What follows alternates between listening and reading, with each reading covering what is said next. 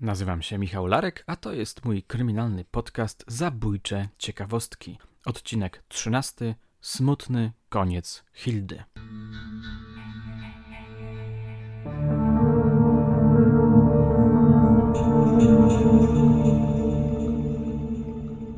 Moje drogie słuchaczki, moi drodzy słuchacze, dzisiejsze zabójcze ciekawostki będą naprawdę zabójcze. Jeśli jesteście gotowi na potężną dawkę emocji, zapraszam do audycji, którą zasili swoimi opowieściami niezawodny Ekspres Ilustrowany Wieczorny. Za sprawą tej gazety przeniesiemy się w czasy przełomu lutego i marca 1928 roku. Tak na marginesie. Czytając prasę z tamtych czasów, obfitującą w kryminalne fabułki, zaczynam się coraz mocniej zastanawiać, czy nie zacząć pisać kryminałów retro. Szkoda byłoby bowiem, żeby ten fantastyczny materiał uleciał bezpowrotnie w niebyt. Bohaterem mógłby być na przykład młody dziennikarz, który fascynuje się prawdziwymi zbrodniami i marzy o napisaniu Pitawala. Co wy na to?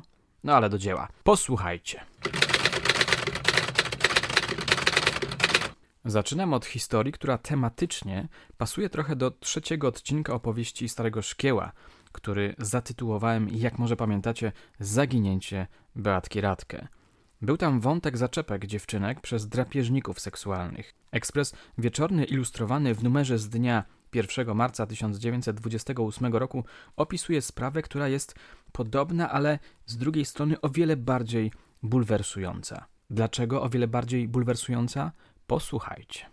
Brygada Obyczajowa Urzędu Śledczego od dłuższego już czasu przeprowadzała obserwacje nad mieszkaniem Aleksandra Krzemińskiego, do którego przychodziły często młode dziewczęta, często dzieci, zaledwie 8-10-letnie.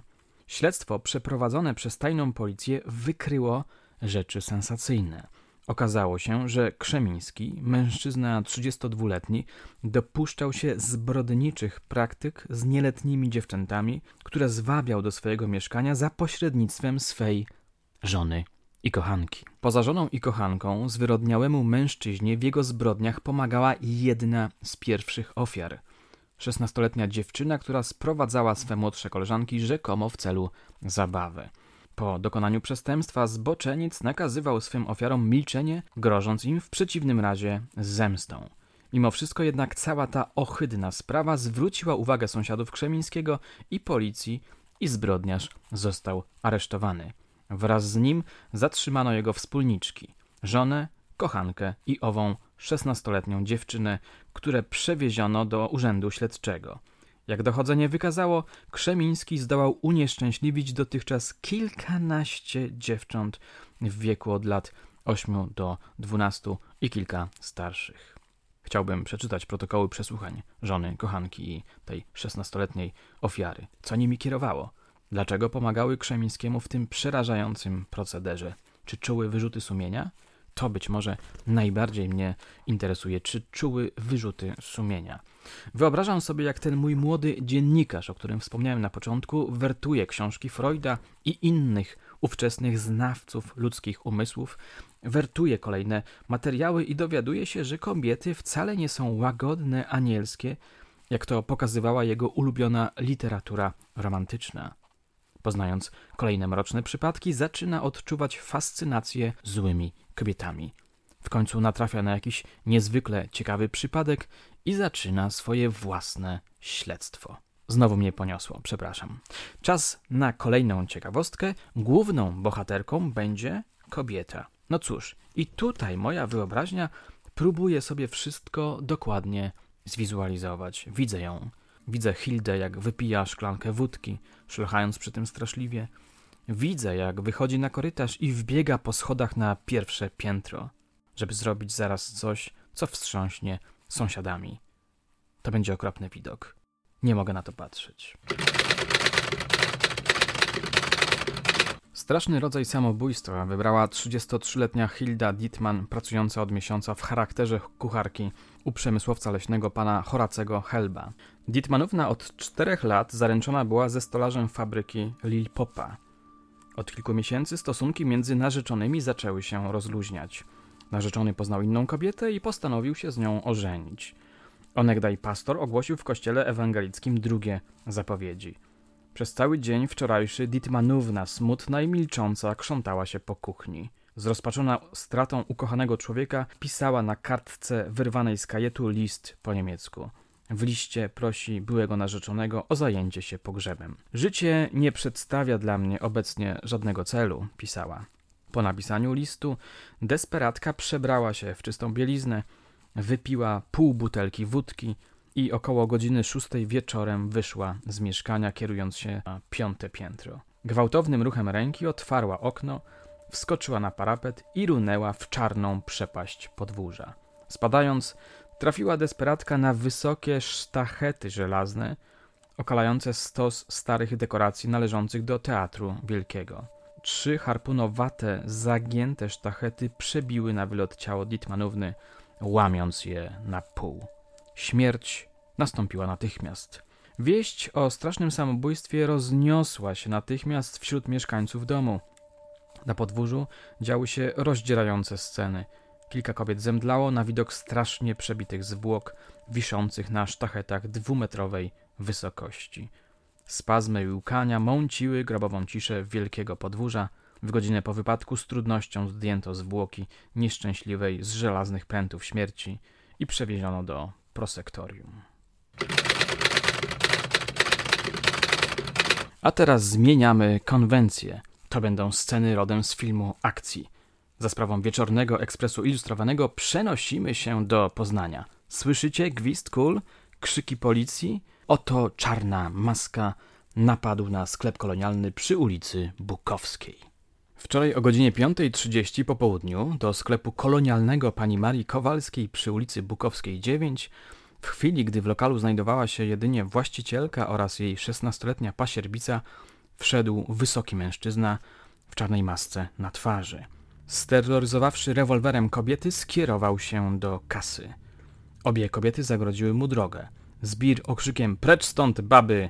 Wystrzelił kilkakrotnie, raniąc ciężko w głowę pasierbicę i lżej właścicielkę sklepu. Na odgłos strzałów do sklepu wbiegli przechodnie. Bandyta wyskoczył na ulicę i rozpoczął ucieczkę w kierunku ulicy Sienkiewicza.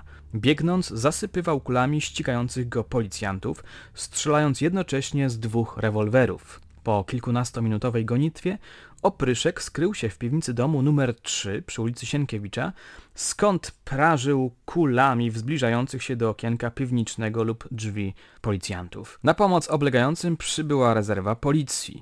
Rozpoczęto regularne dwugodzinne oblężenie, podczas którego z obu stron padło setki strzałów. W pewnej chwili z piwnicy doleciał odgłos pojedynczego wystrzału i kanonada ucichła.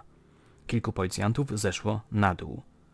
Bandyta leżał rozkrzyżowany na ziemi, z rany na skroni sączyła się krew. Okazało się, że Zbir, wystrzelawszy wszystką amunicję, ostatnią kulą popełnił samobójstwo. Obok bandyty znaleziono leżące na ziemi trzy browningi, wiele zapasowych magazynów, stos łusek od wystrzelonych naboi i czarną maskę. Żadnych dokumentów, papierów ani zapisek bandyta nie miał przy sobie, także ustalenie nazwiska okazało się niemożliwe. Zbira dającego słabe znaki życia przewieziono do szpitala miejskiego. Zrobiono odciski daktyloskopijne, których odbitki rozesłano do urzędów policyjnych w celu ustalenia tożsamości bandyty. No proszę, proszę, nie wiedziałem, że w Poznaniu w dwudziestoleciu międzywojennym dochodziło do takich kowbojskich scen. Że na weselu mogą dziać się rzeczy sensacyjne, to wiemy z literatury, filmu czy z autopsji.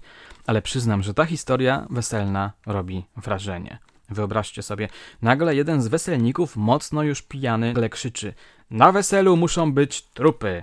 Po czym oznajmia, że za chwilę zamorduje 15 osób. Co wy na to? Posłuchajcie. Wieś Głuchowie powiatu łódzkiego została wstrząśnięta morderstwem dokonanym na uczcie weselnej. Z okazji ślubu Wincentego Wieczorka z jedną z panien miejscowych w jego zagrodzie zebrało się wiele gości. Około północy przybył Józef Dorędziarz, krewny panny młodej.